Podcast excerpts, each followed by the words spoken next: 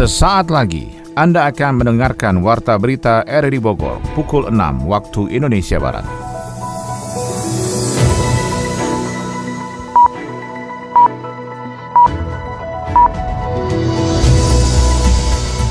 Selamat pagi, salam jumpa. Kami kembali hadir dalam Warta Berita Pagi ini, edisi Jumat 17 Desember 2021. Siaran ini juga dapat Anda dengarkan melalui audio streaming RRI Playgo pada perangkat Android Anda, serta pula dapat Anda dengarkan kembali melalui podcast kami di Spotify, Anchor, Podtail, dan Google Podcast. Warta berita RRI Bogor ini juga turut disiarkan Radio Tegar Beriman, Kabupaten Bogor. Berikut kami sampaikan berita utama. Wakil Presiden Ma'ruf Amin mengatakan percepatan penurunan angka stunting memerlukan komitmen yang kuat dari seluruh pihak. Wakil Ketua MPR RI Tifatul Sembiring berikan pengarahan tentang pokok-pokok haluan negara. Indonesia itu adalah bangsa besar ya yang memiliki karakter ya karakter bangsa dan juga karakter yang berpancasila. Bersama saya Marisa, inilah Warta Berita RRI Bogor selengkapnya.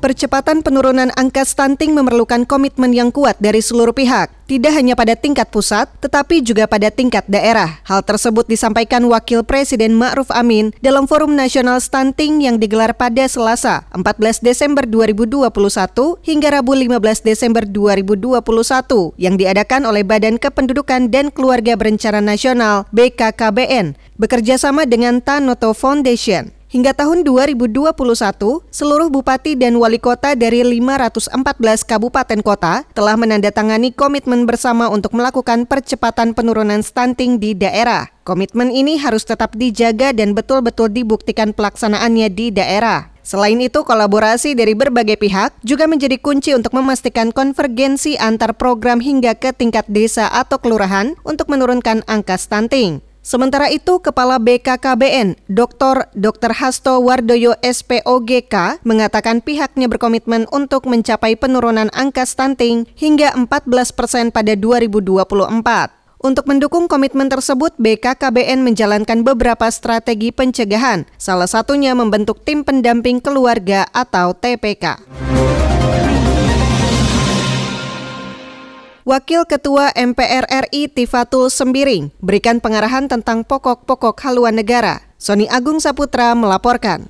Wakil Ketua Bidang Pengkajian Majelis Permusyawaratan Rakyat MPR RI Tifatul Sembiring bersama masyarakat di Jabodetabek mengadakan pertemuan pembahasan pokok-pokok haluan negara PPHN. Dalam pertemuan tersebut masyarakat mendapat pengayaan tentang PPHN terkait ketahanan keluarga. Ketua Perkumpulan Penggiat Keluarga Giga Indonesia Eis Sunarti mengungkapkan pemerintah harus hadir untuk membentuk ketahanan keluarga karena di situlah cikal bakal pendidikan awal anak bangsa. Peraturan harus mendukung upaya agar keluarga tetap menjadi sumber pendidikan terlebih bagi usia anak sekolah yang membutuhkan banyak pembinaan orang tuanya. Ya artinya adalah bagaimana menjamin ya keluarga itu bisa menjalankan peran fungsi tugasnya yang disebut dengan ketahanan keluarga. Uh-huh. Kalau kebijakan makro tidak mendukung, sehebat apa pun keluarga akan sangat rentan gitu. Dan sekarang faktanya banyak keluarga yang memang rentan secara ekonomi maupun non ekonomi. Jadi ada banyak keluarga yang harus dibantu juga. Artinya bahwa keluarga itu sendiri harus meningkatkan ketahanannya, memiliki pengetahuan keterampilannya, tapi di sisi lain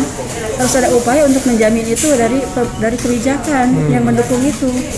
Sementara itu, Wakil Ketua Bidang Pengkajian MPR RI Tifatul Sembiring mengatakan saat ini perangkat peraturan mulai dari peraturan perundangan hingga peraturan daerah harus berpihak kepada masyarakat banyak. Indonesia merupakan negara beragama yang menjunjung tinggi nilai kemanusiaan dan peradaban sehingga tatanan keluarga harus menjadi acuan sejak diri untuk membentuk karakter bangsa. Indonesia itu adalah bangsa besar ya yang memiliki karakter ya karakter berbangsa dan juga karakter yang berpancasila di mana kita berketuhanan yang Maha Esa, berkemanusiaan yang adil beradab, menjaga persatuan, demokrasi dan juga bersifat keadilan. Jadi karakter ini jangan sampai kita karena pengaruh budaya atau pengaruh nilai-nilai lain ya yang di, yang didistribusikan melalui peralatan atau perangkat daripada IT yang secara masif itu mempengaruhi dan menghancurkan tatanan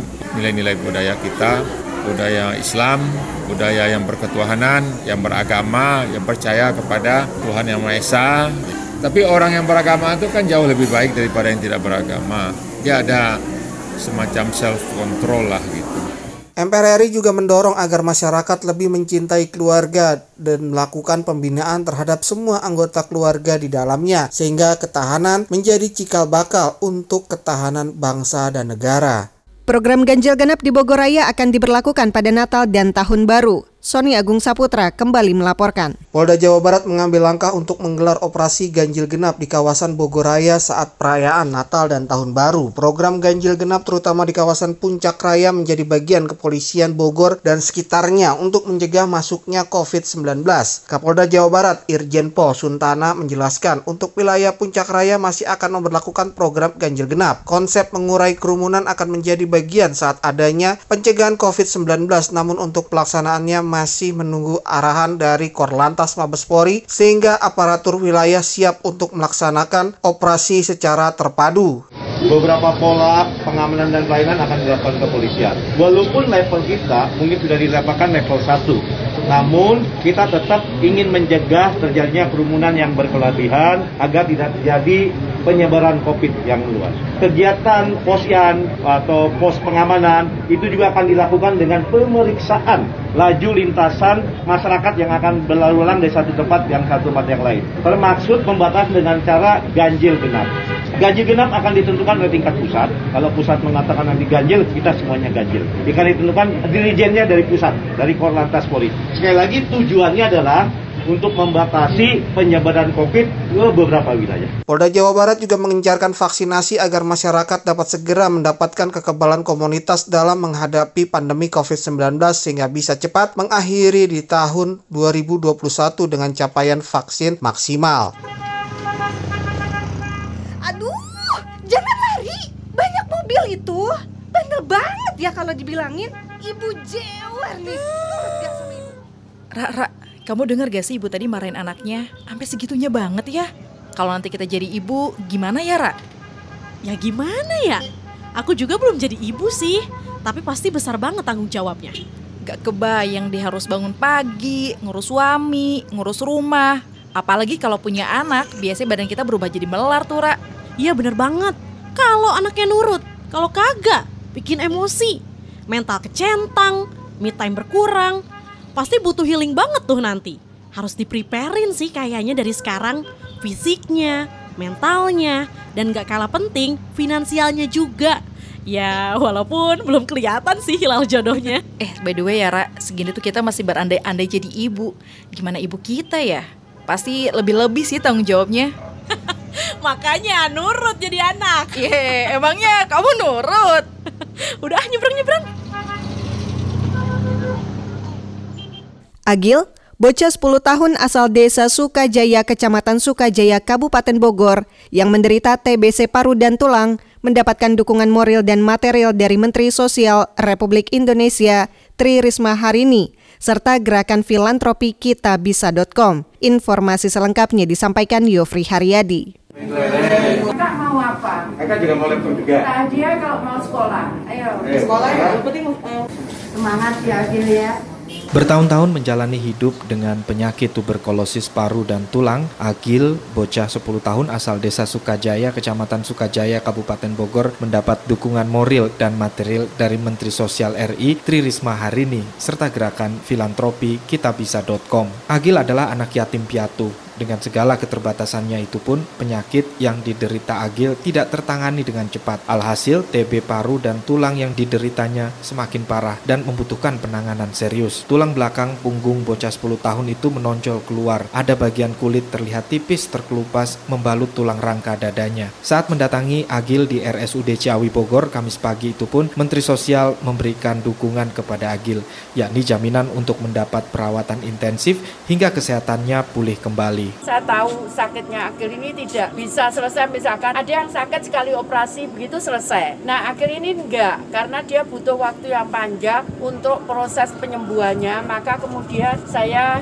komunikasi dengan teman-teman kita bisa untuk untuk bagaimana keberlanjutan apa namanya kesembuhan Agil ini. Kemudian dilakukan fundraising, nah kemudian dapatlah dana untuk itu dan itu akan diserahkan. Alhamdulillah juga dari pihak rumah sakit tidak terlalu dananya dari mana dan sebagainya begitu. Agil sempat ditanya oleh Menteri Sosial apa keinginannya, namun dengan tatapan kosong, Agil dengan suara lirih ingin memiliki laptop dan Menteri Sosial pun menimpalinya dengan ajakan untuk mau belajar dan sekolah. Kunjungan itu pun dihadiri Direktur RSUD Ciawi Dr. Sani Musyafa dan jajarannya serta CEO kitabisa.com Al-Fatih Timur. CEO kitabisa.com Al-Fatih Timur mengungkapkan bantuan yang terhimpun dari para donatur mencapai 94.554.830 rupiah untuk pemulihan kondisi Agil. Ini kan kami menghubungkan aja amanah dari donatur yang kemarin setelah kita masukin website ternyata banyak yang tergerak untuk membantu dan alhamdulillah tadi sudah diserahkan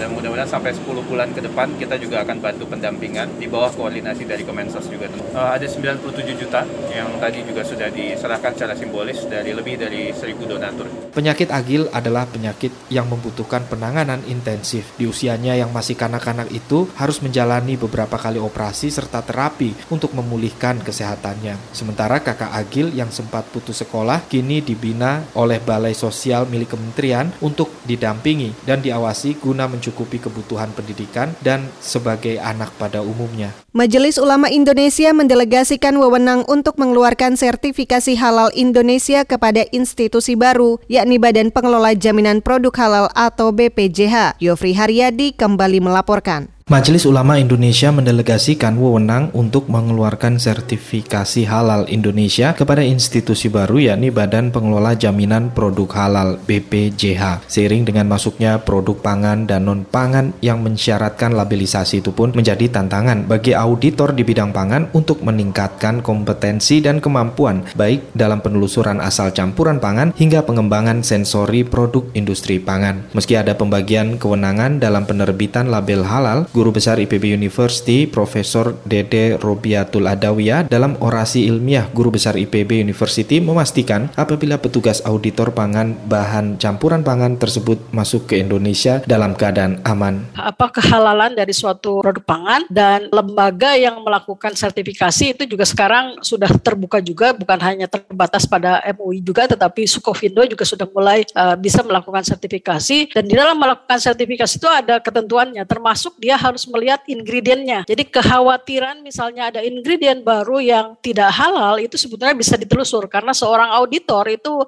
harus menelusur sampai ingredient. Bahkan ingredientnya itu diimpor dari mana itu harus ada dokumennya. Pergi ke daerah penghasil ingredient tersebut, misalnya ke Cina. Tidak hanya soal kehalalan saja, rasa yang keluar dari produk pangan juga menjadi kajian dalam penelitiannya yang diistilahkan dengan sebutan ilmu sensori. Ditambahkan Profesor Dede Robiatul dalam industri pangan, ilmu sensori sangat menentukan berhasil atau tidaknya produk pangan itu dipasarkan karena berkaitan dengan rasa dan selera dari target pasar produk yang dijual. Di Indonesia, ilmu sensori makanan mengandalkan kemampuan lidah dari manusia manusia yang sangat terbatas. Ini sebetulnya tantangan karena tantangan terbesar atau kesalahan terbesar pada saat melakukan uji sensori itu adalah penggunaan manusia sebagai instrumen ujinya. Mana manusia ini kan banyak sekali sumber errornya secara fisiologis dan secara secara psikologis. Secara fisiologis kita sudah screen bahwa orang ini normal, sehat, punya sensitivitas, punya kemampuan membedakan. Tetapi ada uh, faktor psikologis yang uh, bisa jadi uh, kemudian berpengaruh. Industri makanan yang dikelola oleh pelaku UMKM UMKM semakin beragam. Terlebih di tengah pandemi COVID-19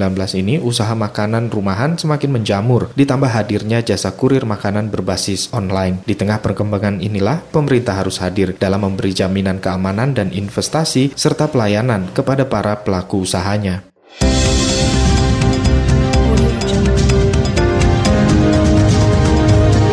Anda tengah mendengarkan Warta Berita RRI Bogor.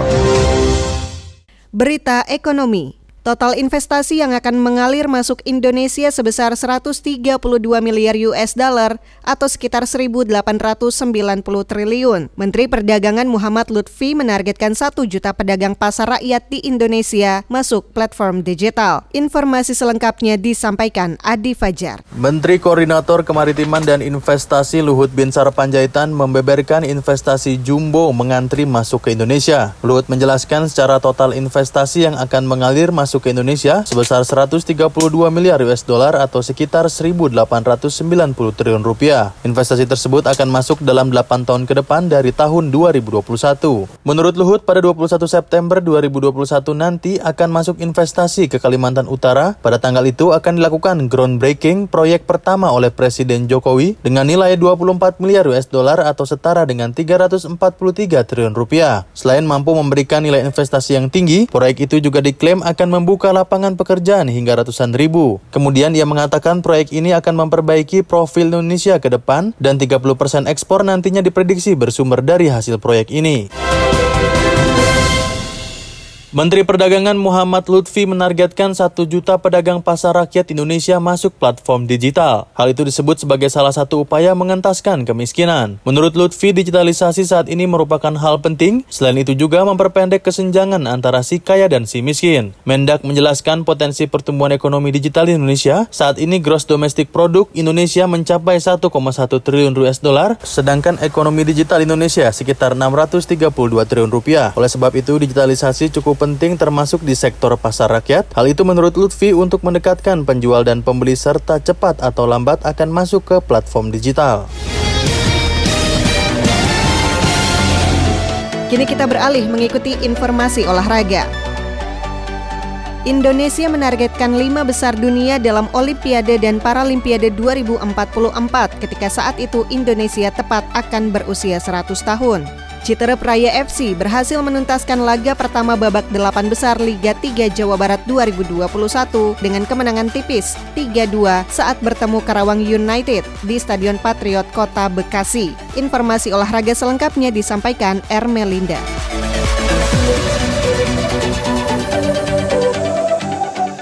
Menteri Pemuda dan Olahraga Republik Indonesia Zainuddin Amali mengatakan Indonesia menargetkan lima besar dunia Olimpiade dan Paralimpiade 2044 ketika saat itu Indonesia tepat akan berusia 100 tahun. Target ini sesuai dengan peraturan Presiden Perpres nomor 86 tahun 2021 tentang desain besar olahraga nasional DBON. Zainuddin Amali ketika menyampaikan sambutan pada peresmian sarana olahraga di kampus UI Depok mengatakan target itu bisa dicapai jika Indonesia fokus kepada cabang olahraga yang sesuai fisik orang Indonesia dan merumuskan cabang olahraga yang mengandalkan teknik dan akurasi. Sehingga lahirlah 14 cabang olahraga dalam DBON, desain besar olahraga nasional, dan tiga cabang olahraga yang disukai masyarakat Indonesia yang masuk kelompok sport industri. Menanggapi hal itu, Rektor Universitas Indonesia Profesor Ari Kuncoro mengatakan UI siap membantu menyusun kajian big data analisis dan sport Management dalam mengukur sumbangsi multiplier efek secara ekonomi kegiatan-kegiatan olahraga di tanah air, seperti pelaksanaan Liga Sepak Bola, Pekan Olahraga Nasional PON, dan kegiatan lainnya. Citra Praya FC berhasil menuntaskan laga pertama babak 8 besar Liga 3 Jawa Barat 2021 seri dengan kemenangan tipis 3-2 saat bertemu Karawang United di Stadion Patriot Kota Bekasi Rabu 15 Desember 2021. Tertinggal 0-1 lewat gol Agung Gumilang pada babak pertama menit ke-32 tidak membuat mental pemain The Bulldozer kendor, justru memotivasi pemain Citra Praya FC mengejar ketinggalan. Buktinya pada menit ke-39 Citra Citra Praya FC mampu menyamakan skor menjadi 1-1 melalui gol Fauzi Panguripan. Tiga menit berselang Rizky Ramadan mampu mengantarkan Citra Praya unggul 2-1. Namun babak pertama waktu normal skor tidak berubah 2-1. Memasuki babak kedua waktu normal kedua tim tampil agresif namun di menit ke-56 Karawang United mendapatkan hadiah penalti setelah salah satu pemainnya mendapat pelanggaran keras kotak penalti. Fajar Romansyah yang ditunjuk sebagai eksekutor sukses menjebol gol gawang Citra Praya FC yang dikawal Muhammad Zainuri Azhar. Skor berubah menjadi 2-2. Tidak ingin skor sama, Citra Praya FC terus menekan bahkan kedua tim saling jual beli serangan. Namun pelanggaran keras harus diterima pemain depan Karawang United setelah melakukan pelanggaran terhadap pemain The Bulldozer di titik rawan pada menit ke-70 dan membuat wasit harus menunjuk titik putih tanda penalti. Abdan Hanif tidak ingin menyia-nyiakan peluang penalti yang dihadiahkan kepadanya berbuah gol dan sekaligus merubah skor 3-2 untuk keunggulan Citra Praya FC. Tersisa 20 menit waktu normal kedua tim terus menyerang tapi tidak berbuah gol hingga wasit meniup peluit panjang jalannya pertandingan berakhir skor bertahan 3-2 untuk keunggulan Citra Praya FC. Sementara Presiden Citra Praya FC Dedi Cakra Baidila sangat puas dengan kemenangan yang diraih timnya pada laga pertama babak 8 besar Liga 3 Jawa Barat 2021 seri 1. Meski tertinggal tetapi anak-anak dari Citra Praya FC dan hasil akhirnya dari The Bulldozer sukses meraih 3 poin penting. Yang pasti menurut pria yang akrab disapa Cakra tersebut kemenangan ini bukan akhir perjuangan tetapi awal untuk meraih kemenangan di laga kedua melawan Persikasi Kota Bekasi.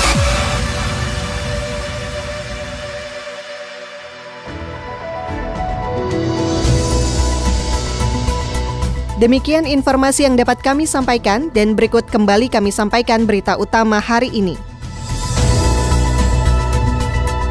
Wakil Presiden Ma'ruf Amin mengatakan percepatan penurunan angka stunting memerlukan komitmen yang kuat dari seluruh pihak. Wakil Ketua MPR RI Tifatul Sembiring berikan pengarahan tentang pokok-pokok haluan negara. Saudara siaran ini dapat Anda dengarkan kembali melalui podcast kami di Spotify, Anchor, Potel, dan Google Podcast. Mewakili kerabat kerja yang bertugas hari ini, saya Marisa mengucapkan terima kasih. Selamat pagi.